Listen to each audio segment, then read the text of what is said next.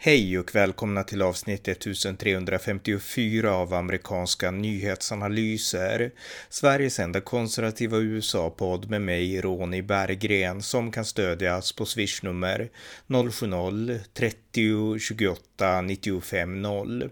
Här följer en uppdatering om det senaste i USA tillsammans med min kollega Björn Nordström. Varmt välkomna.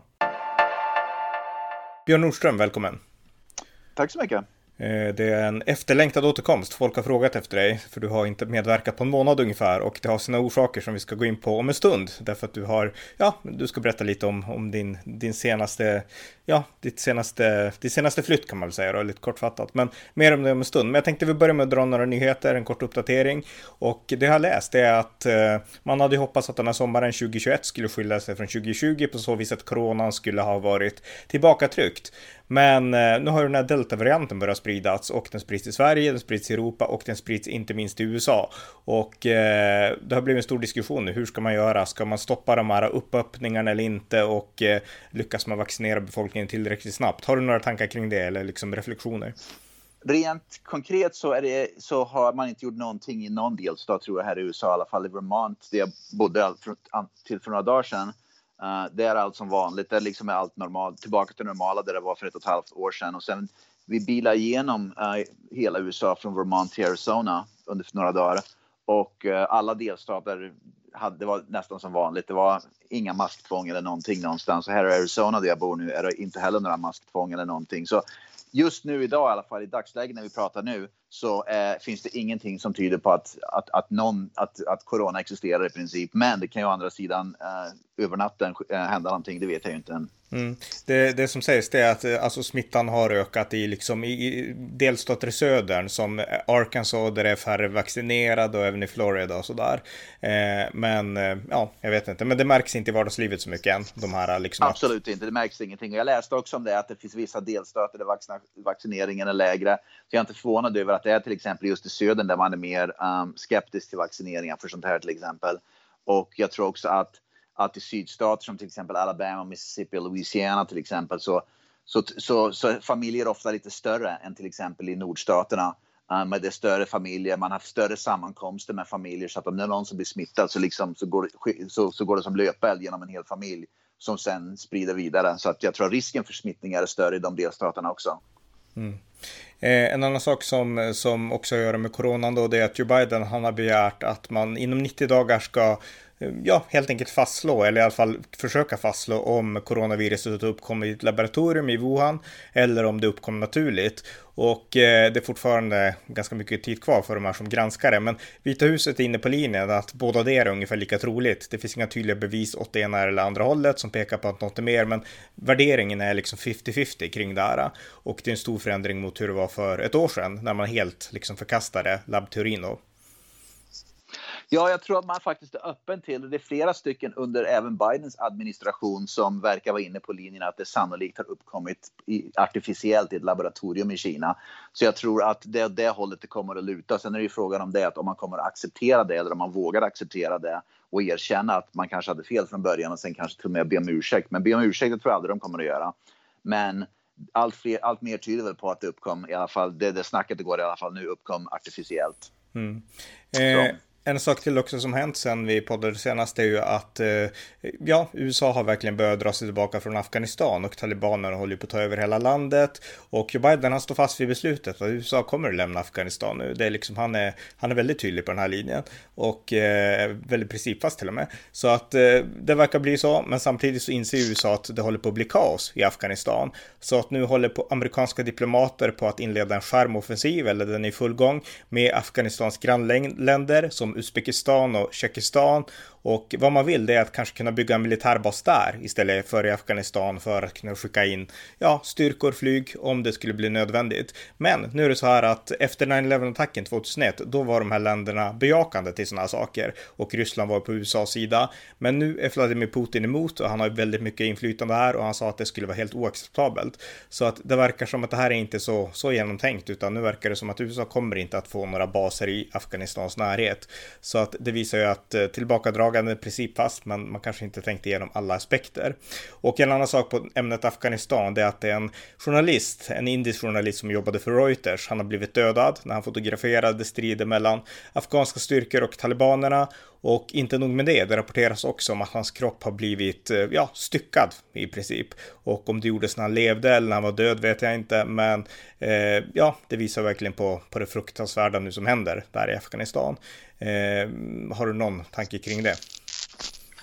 Nej, jag, jag, vi vet ju att talibanerna kommer ju gö ta, göra sin återkomst. Så att om man släpper Afghanistan helt fritt så kommer ju talibanerna ta över. Det, det vet vi ju redan nu. Va? Då kommer det återgå till det gamla. Och sen, sen igen den stora frågan.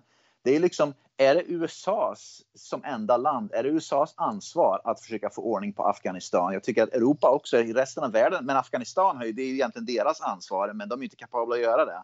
Men jag vet inte om det är USAs ansvar, så att som, som att bo här i USA så tror jag många amerikaner har nog liksom, man, man, man har, nog, man har svårt att komma fram till vad man egentligen tycker. För å ena sidan så vill man ju inte att, att terrorismen ska börja frodas där igen. Men å andra sidan, varför ska mina skattepengar gå konstant år efter år efter år efter år att försöka få ordning på ett land som det inte går att få ordning på egentligen? Varför är det mitt ansvar som skattebetalare i USA att, att, att, att pröjsa för? Så det är ett jäkla problem det här. Jag tror att problemet kan inte lösas bara genom vad, vad, en president i USA gör. Jag tror att det är alldeles många fler länder som måste liksom bli inblandade, inklusive då Ryssland. Jag tror inte att Ryssland är speciellt pigg på att bli inblandade i det där och samarbeta med Biden. Så att det, det är en jävla soppa där tror jag. Mm. Men det intressanta är ändå att Biden tar någon slags princip. Alltså han, han, han har snappat upp det här att amerikanerna är less på det här och nu, nu får det vara nog. Jag menar demokrat, jag menar demokrater tänker vi ofta på som inte principfasta, men här är Biden väldigt tydlig liksom att okej, okay, jag ser hur det går, men, men nej, nu, nu har vi, vi har fått nog. Det har gått 20 år.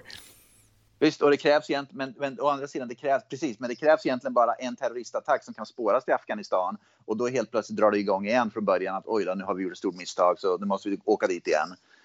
Så hur man än gör så tror jag det blir fel. Det är det som är problemet nu. Ja, precis. Ja, det var en kort uppdatering med bara några av de senaste sakerna, för nu ska vi prata om något annat och det är nämligen dig. Som sagt, alltså du har varit efterlyst här i podden. Folk har frågat vart är Björn och så och jag har sagt att du har varit på semester. Jag tror inte jag har sagt mer än så och eh, jag tänkte att nu får du berätta själv vad du har gjort den senaste månaden.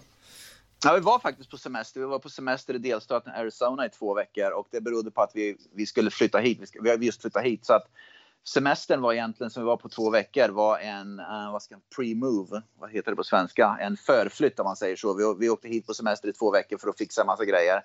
Och sen åkte jag tillbaks till Vermont i tre dagar typ då. Och sen så har vi flyttat hit nu. Vi körde över hela landet från, från Vermont till Arizona, vilket var typ 400 mil ungefär. Med packning och allt. Fast det är bara lite, det, var egentligen, det är egentligen bara just min son och jag som har flyttat hit. Därför att uh, resten av familjen då, frun och dottern, de är kvar i Vermont fortfarande. Därför att Uh, vårt hus, det, liksom bygga, byggandet av husen och allt det där, det är inte riktigt klart än. Så vi bor inneboende hos några vänner. Så att vi alla är inte här än. Så att vi flyttar successivt över, över hösten och vintern och hoppas vara hitflyttade helt till jul. Just det, spännande. Men vad, vad är liksom dina, det, vad har du fått uppleva nu av Arizona? Och vad är liksom, är du, har du blivit mer positiv sen du kom dit och så? Ja, jag, jag har ju bott i Arizona förut. Jag bodde i Arizona åren 1999, 98, 99 och 2000. Så jag har bott här förut. Jag älskar den här delstaten. Det den, den, är, vad ska man säga, det är lite mer... Det, jag är inte direkt, jag är klassisk liberal om man säger så, va? men det man slipper det, det betydligt mer konservativt, det är mer republikanskt, det är mer normal politik om man säger. De har en väldigt bra guvernör. Det har, Vermont har också en hyfsad guvernör, en bra guvernör. Men det, det, den här galna vänsterliberalismen är inte alls lika ut, utsträckt här i, i Arizona som den är i Vermont. Och det är ju väldigt bra. Utan Vermont, eh, Arizona mer mitten eller mer till, mer till höger till exempel. Då. Uh, om man, det är mer patriotism, mycket, mycket, mycket mer patriotism här i, i Arizona än till exempel i Vermont, vilket man faktiskt ser.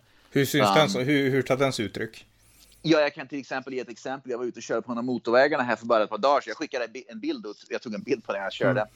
Mm. Uh, och det var helt, helt plötsligt från en sån här enter ramp upp på en motorväg så kom det massor, massor av motorcyklar och så var de eskorterade av ett par militärfordon och så var det stora amerikanska flaggor på motorcyklarna. Så var det så kallade så stod det Patriot Rally, Patriot uh, Rally, vad heter det på svenska? Jag vet inte. Men det var någon slags, bara någon slags patriotisk uh, motorcykelkortege på motorvägarna på typ då kanske var 3-4 mil de körde och liksom halvblockera trafiken då för att, för att liksom då uttrycka sin kärlek för USA. Sånt ser man Det skedde ju aldrig, skulle aldrig ske i Vermont. Det finns inte en suck att det sker. Jag såg också ganska roligt här, vapenlagarna. Jag menar, Vermont är ganska, det, det finns stort stöd för Vermont, tror eller ej, för det är så många jägare i Vermont för Second Amendment, vapenlagarna. För, uh, för att ha vapen. Men här, jag såg en bil här i USA, jag skickade också kort. Nej, jag skrev vad det var, jag hade inte tagit kort. Men i alla fall, det var en, det var en stor sån här, en, stor, en bil som hade en amerikansk flagga och sen hade den en flagga till med ett stort automatvapen på flaggan. Och så stod det texten på engelska då, fast jag säger på svenska. Om du vill skydda dig från staten, köp ett automatvapen. Så att man verkligen ser att att, och, och, många vänner, jag börjar få känna vänner här. Jag liksom, man träffar ju, man, man liksom lär känna någon och sen så blir man inbjuden på någon fest med den personen och börjar träffa massa folk. Och, man, och nu kanske det är bara så att jag råkar hamna i liksom mer konservativa republikanska miljöer baserat på de vännerna som jag redan har. Men det, det, det är betydligt lättare att, att, att vad ska man säga, få kontakt med konservativa republikaner som tror på yttrandefriheten, som tror på, på second amendment med vapenlagarna, som liksom verkligen är patrioter och älskar USA och verkligen avskyr hur demokratiska partiet har gått till vänster och det här marxismen och allt det här som håller på liksom träda fram. Så att det, det, det, är lättare. Det är betydligt fler sådana människor här som är, vad ska man säga, uh, som begriper problemen med... I Vermont är, liksom, är ju var och varannan person. Liksom, är man, I Vermont om man är till höger om Bernie Sanders, då är man liksom en, då är man en nazist ungefär. Va? Men här här, så, så här funkar det inte. Så här, är, här är liksom Bernie Sanders ansedd att vara en... Han är, liksom, folk anser att han är galen. Han är kommunist i princip. Han är kommunist. Oh, jag, många jag pratar med här som jag har lärt känna, det är liksom Bernie Sanders är fan en kommunist, han är ju galen. I Vermont så är liksom han hjälte ungefär. Så man ser verkligen skillnaden. Ja. ja, alltså klimatet där är lika varmt som man föreställer Jag har aldrig varit i södern så att jag har faktiskt bara varit i norra USA. Arizona, men, ja. Arizona inte södern. Nej, det är västern. Okej, okay, västern. Väster. men, ja, det, men det är varmt. Det är varmt. Det var dit jag vill komma. Ja, jo, visst är det det. Uh, det, idag jag såg att en kallfront här, så det är ganska roligt. En kallfront är bara 38 grader, men det är, och det här är väl kanske en kliché, men, en klyscha, men det är torr luft och det gör en jäkla skillnad. Jag har ju bott i Louisiana, vilket är amerikanska södern, med fuktig luft som fasen.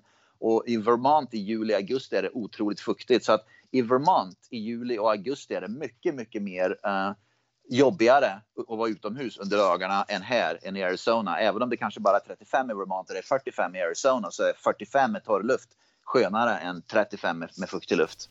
Mm. Så att torra luften gör en jäkla skillnad. Och sen vintern, vinterhalvåret här från typ oktober till, genom, ja, till april ungefär. Det är fantastiskt. Det är ungefär 25, mellan 25 och 30 grader. Då. Så det är ju liksom kanonväder. Kanske, det kanske droppar ner till 20 någon gång i december, januari. Så jag spelar ju golf då, så att för, de som, för mig är det ju kanonbra att komma hit och flytta hit igen när man kan spela golf hela vintern. Ja. Eh, alltså, nu har inte du bott där så, så länge utan bara ett tag, men, men liksom mycket när man pratar om gränsproblemen i USA, alltså de, de här illegala immigranterna från Mexiko, då pratar man ju om Texas, Arizona och New Mexico och sådär och Kalifornien också, men väldigt mycket betoning på Arizona. Har du, du har ju inte märkt något själv gissar jag, men har du hört något, alltså snackar folk om det? Om de här, det, jag, menar, jag läste att det kom in 190 000 bara nu i, i juni månad in i USA. Eh, så att man det... är Mm. Siffran, på, hela, siffran under 2021 läser jag nu är på över en miljon redan och mm. Biden försöker ju dölja den siffran. Han vill ju inte veta av det.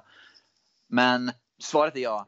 Uh, folk jag har träffat, det, det är en snackis. Det, bor man i Vermont så snack, då, då, tycker man bara synd om migranterna som strömmar över gränsen och man begriper inte problemen helt enkelt. För att bo i Vermont, då bor man ju liksom 400 mil från problemet. va. Mm. Så att men jag, jag, har ju, det är sånt som folk snackar här. Går man, jag var ju på, på en fest igår och liksom man pratar med folk och det, det, är liksom, folk, det är sånt som kommer upp i, i konversationer.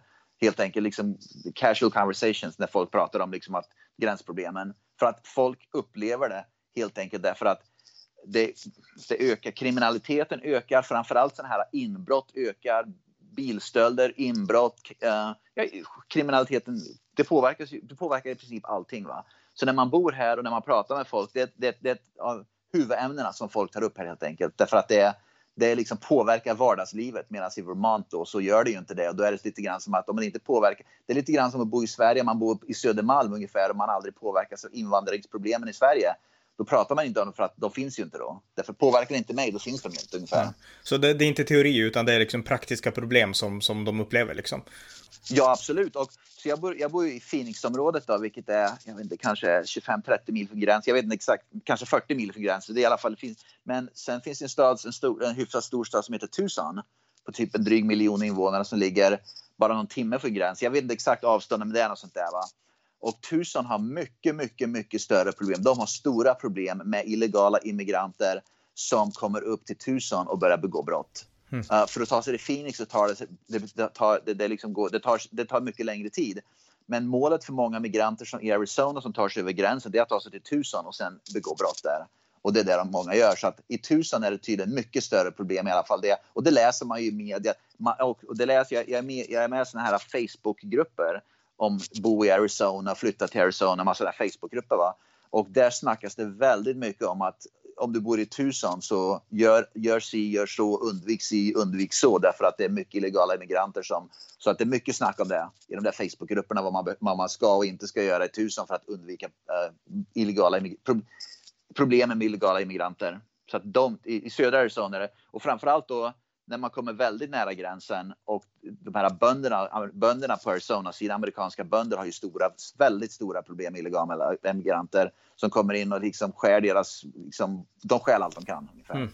Mm. Och jag, jag, får intrycket av, alltså som sagt, jag har aldrig varit söder och inte västern heller, utan bara i norra USA. Men, men liksom, det intryck jag får det är att Arizona, där är demokraterna och republikanerna också mer enade när det gäller att det här är problem. Medan i Texas, då är det en ganska stor splittring mellan liberaler och demokrater och, och republikaner. Alltså republikanerna är hårda i gränsfrågan i alla fall, medan demokraterna inte ser problemen. Men Arizona verkar vara mycket mer på något sätt samspelt mellan båda partierna i fråga om liksom att det här är problem. Eh, det är min uppfattning jag vet inte om du har hunnit liksom jämföra och bilda dig någon sån uppfattning än, men, men ja, har du någon tanke kring det? Jag tror att det kan ha att göra med att i Arizona så har det varit så stort problem under så många år så att det, går inte, det har inte gått att undvika. No, ingen kan undvika det. Det har liksom varit ett konkret problem under många år som ingen kan undvika och ingen kan dölja heller. Mm. Jag har sett dock att nyligen så det var en en, jag tror vi pratade om det i en podd för någon månad eller två sedan. Det, var någon, det är någon borgmästare, en demokrat som är borgmästare i delstaten Texas som har gått ut nu väldigt öppet och sagt att det här är ett jäkla problem helt enkelt. Så han har liksom brutit, brutit lite grann mot partilinjen och då, det finns också en kongressledamot, minns inte vem det var, men det är en kongressledamot i det demokratiska partiet i södra Kalifornien som också har gått ut väldigt öppet och sagt att illegala invandring är ett problem. Så jag, tror att man håller på att bryta inom det demokratiska partiet. De kongressledamöterna, politikerna som bor alldeles vid gränsen eller representerar amerikanska, liksom, amerikanska intressen alldeles vid gränsen, eh, äh, befolkningen vid gränsen, de har börjat ändra på sig nu och börjat gå emot sitt parti och liksom börjat tuffa till sig i frågan. Så att det är bara en tidsfråga tror jag innan allt fler gör det. Men här i Arizona tror jag, det har att göra med helt enkelt att, att allt, alla upplever problemen helt enkelt på ett eller annat sätt. Och det går liksom, politiker kan inte trolla bort det bara. Det går inte att snacka bort det helt enkelt. Och då istället försöker man ta itu med det. Mm. Och jag tror också har att göra med att Arizona har ju generellt, till skillnad mot Kalifornien till exempel, så har Arizona i alla fall under en tid, men det håller på att förändras nu tyvärr, varit betydligt starkare republikanskt. Och de demokraterna här, det ser man ju till exempel på Kirsten Sinema som är då eh, senator här. Hon, hon går ju emot, hon, hon, Demokraterna här är inte speciellt mycket vänster, de är mer i mitten om man säger så. Va? Uh, Kirsten Sinema, vi har pratat om det någon gång förut, att hon vill ju hålla kvar den här filibuster, vilket hennes parti inte vill. Men hon vill det och Joe Manchin från, från West Virginia vill också ha kvar den här filibuster som Demokraterna inte vill ha kvar nu i kongressen.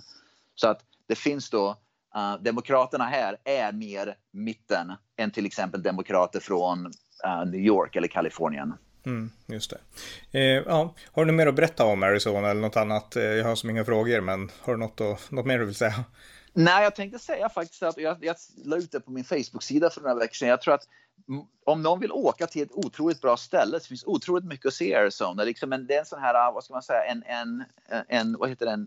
Um, en hidden gem, vad heter mm. det på svenska? En sån här, ja, många glömmer bort mm många, många tycker att okej, okay, Las Vegas ligger där, södra Kalifornien ligger där, men Arizona är ett kanonbra ställe att åka på semester för den som vill. Speciellt för de som gillar golf. Jag menar, Phoenix är, en jätte, det är USAs femte största stad. Så det är en jättestor stad det här området. Och för de som gillar sommarväder, om ni, om ni råkar spela golf, det finns inget bättre ställe i hela USA under vinterhalvåret än, än Phoenixområdet om man vill spela golf. Så de som gillar att lira golf eller vill åka på en semester men inte vill åka till det typiska Los Angeles eller New York eller Las Vegas. Åk till Phoenix, Arizona. Det är en kanonstad och det är en jättestor stad så det finns hur mycket som helst att göra här med. Mm. Men och, eh, det är ett otroligt bra resmål. Och gillar man att vandra och sånt, jag menar, de här vackra öknarna med de här stora, oh, ja. vad heter det, sandklipporna? Alltså jag vet inte vad de heter. De Buttes, ja, precis. tror jag de heter på mm. engelska.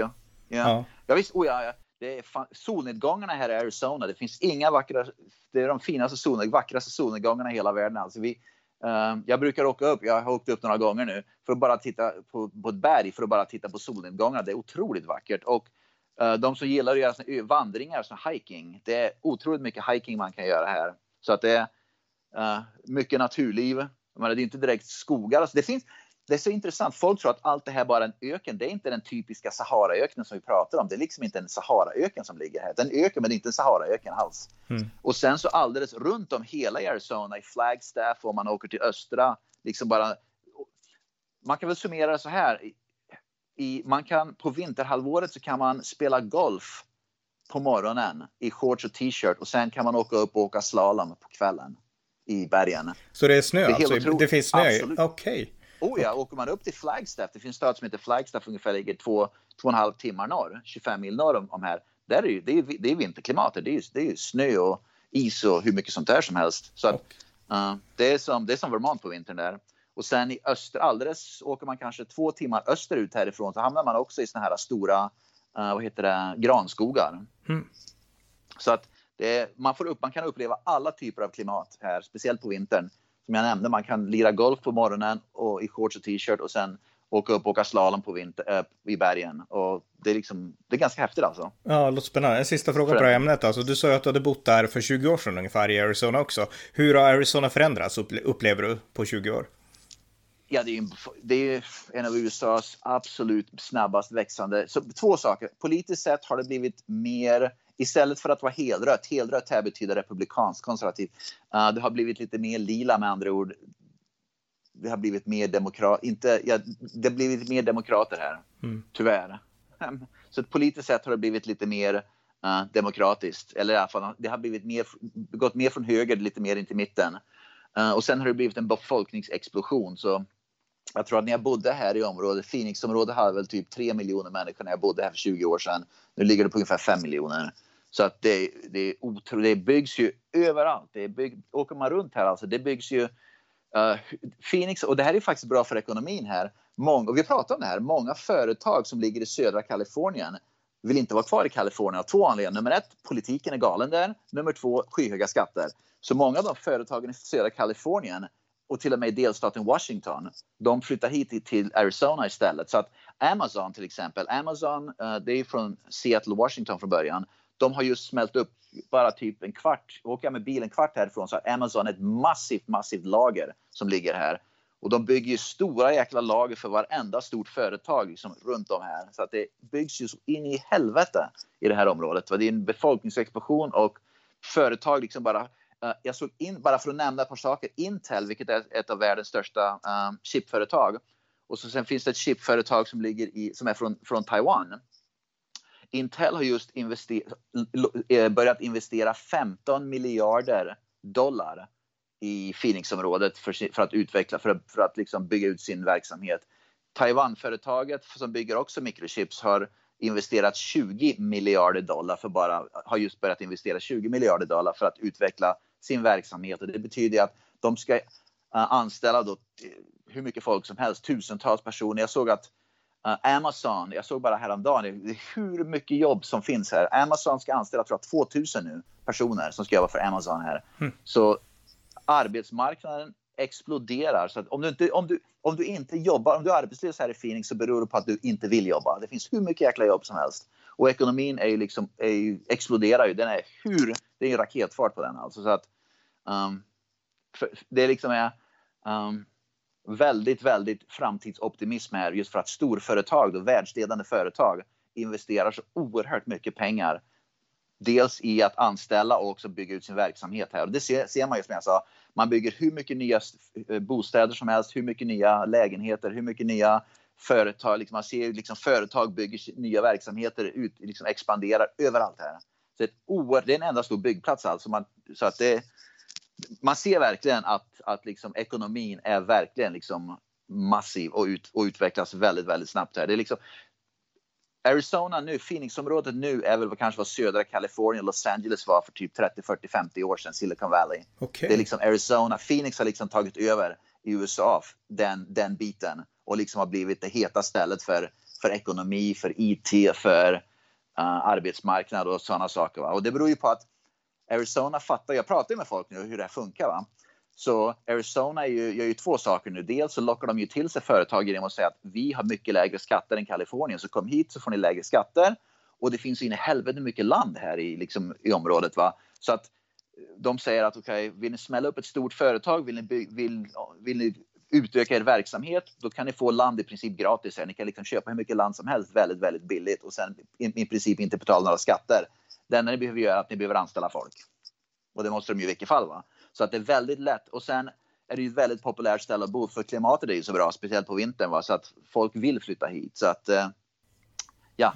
Ja, du, du, du, ja, du, har blivit, du har blivit en ambassadör hör jag på en gång för, för Arizona. Verkligen, ja verkligen. ja. Jag, menar, det, det är inget, jag har ju velat flytta hit. Jag bodde här för 20 år sedan. Jag har alltid velat flytta tillbaka. Men, min, men ungarna gick i skolan då så att jag ville ju, man ville inte jag ville att de skulle avsluta, i alla fall sonen skulle avsluta skolan. Mm. Men han tog ju studenten nu för, för en månad sedan drygt och då tyckte vi att nu är det dags att flytta.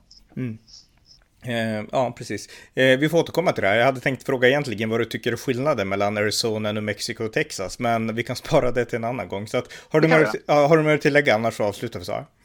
Nej, jag hoppas nu att vi är tillbaka i någon form av rotation. Jag tänkte nämna tidsskillnaden är ju nio timmar. Det finns, de har, man har ju ingen sommartid här i Arizona så att man ändrar inte klockan som man gör i andra delstater. Så det är nio timmar nu, sen åtta timmar i vinter. Mm. Men uh, så det gör att det kan bli lite klurigare för oss och liksom, vi, vi får klura ut nu. Ja, precis, vi får klura ut nu hur vi kan vara Men jag hoppas nu att vi är mer tillgängliga igen, att, vi, att det blir mer regelbundet helt enkelt. För att jag vill verkligen vara med och uppdatera. Så att vi får klura ut det där med, ja, med och, tillgängligheten. Och du, du är verkligen efterlängtad, så vi, vi, får, vi får klura på det som sagt. Men okej, okay, tack så jag, mycket. Tror, jag, tror, mm. jag, jag, tänker bara nämna en sak till. Alltså, jag tror att det kan vara intressantare därför att Arizona är en större delstat och det finns mer sådana här saker som, vi, som jag just pratade om, att motorcykelkorteger och det finns många fler sådana här anekdoter jag tror jag kommer att kunna prata om som, som jag kommer att se till skillnad från Vermont där anekdoterna bara handlar om Antifa och vänstern ungefär. Ja, exakt, exakt. Ja, ja, men det ser fram emot. Så, så tusen tack Björn. Ja, yes. tack så mycket. Det var avsnitt 1354 av amerikanska nyhetsanalyser. En podcast som finns för att ge ett konservativt perspektiv på USA. Stöd gärna på swishnummer 070-30 28 95 0 eller via hemsidan på Paypal, Patreon eller bankkonto. Det var allt för den här gången. Tack för att ni har lyssnat.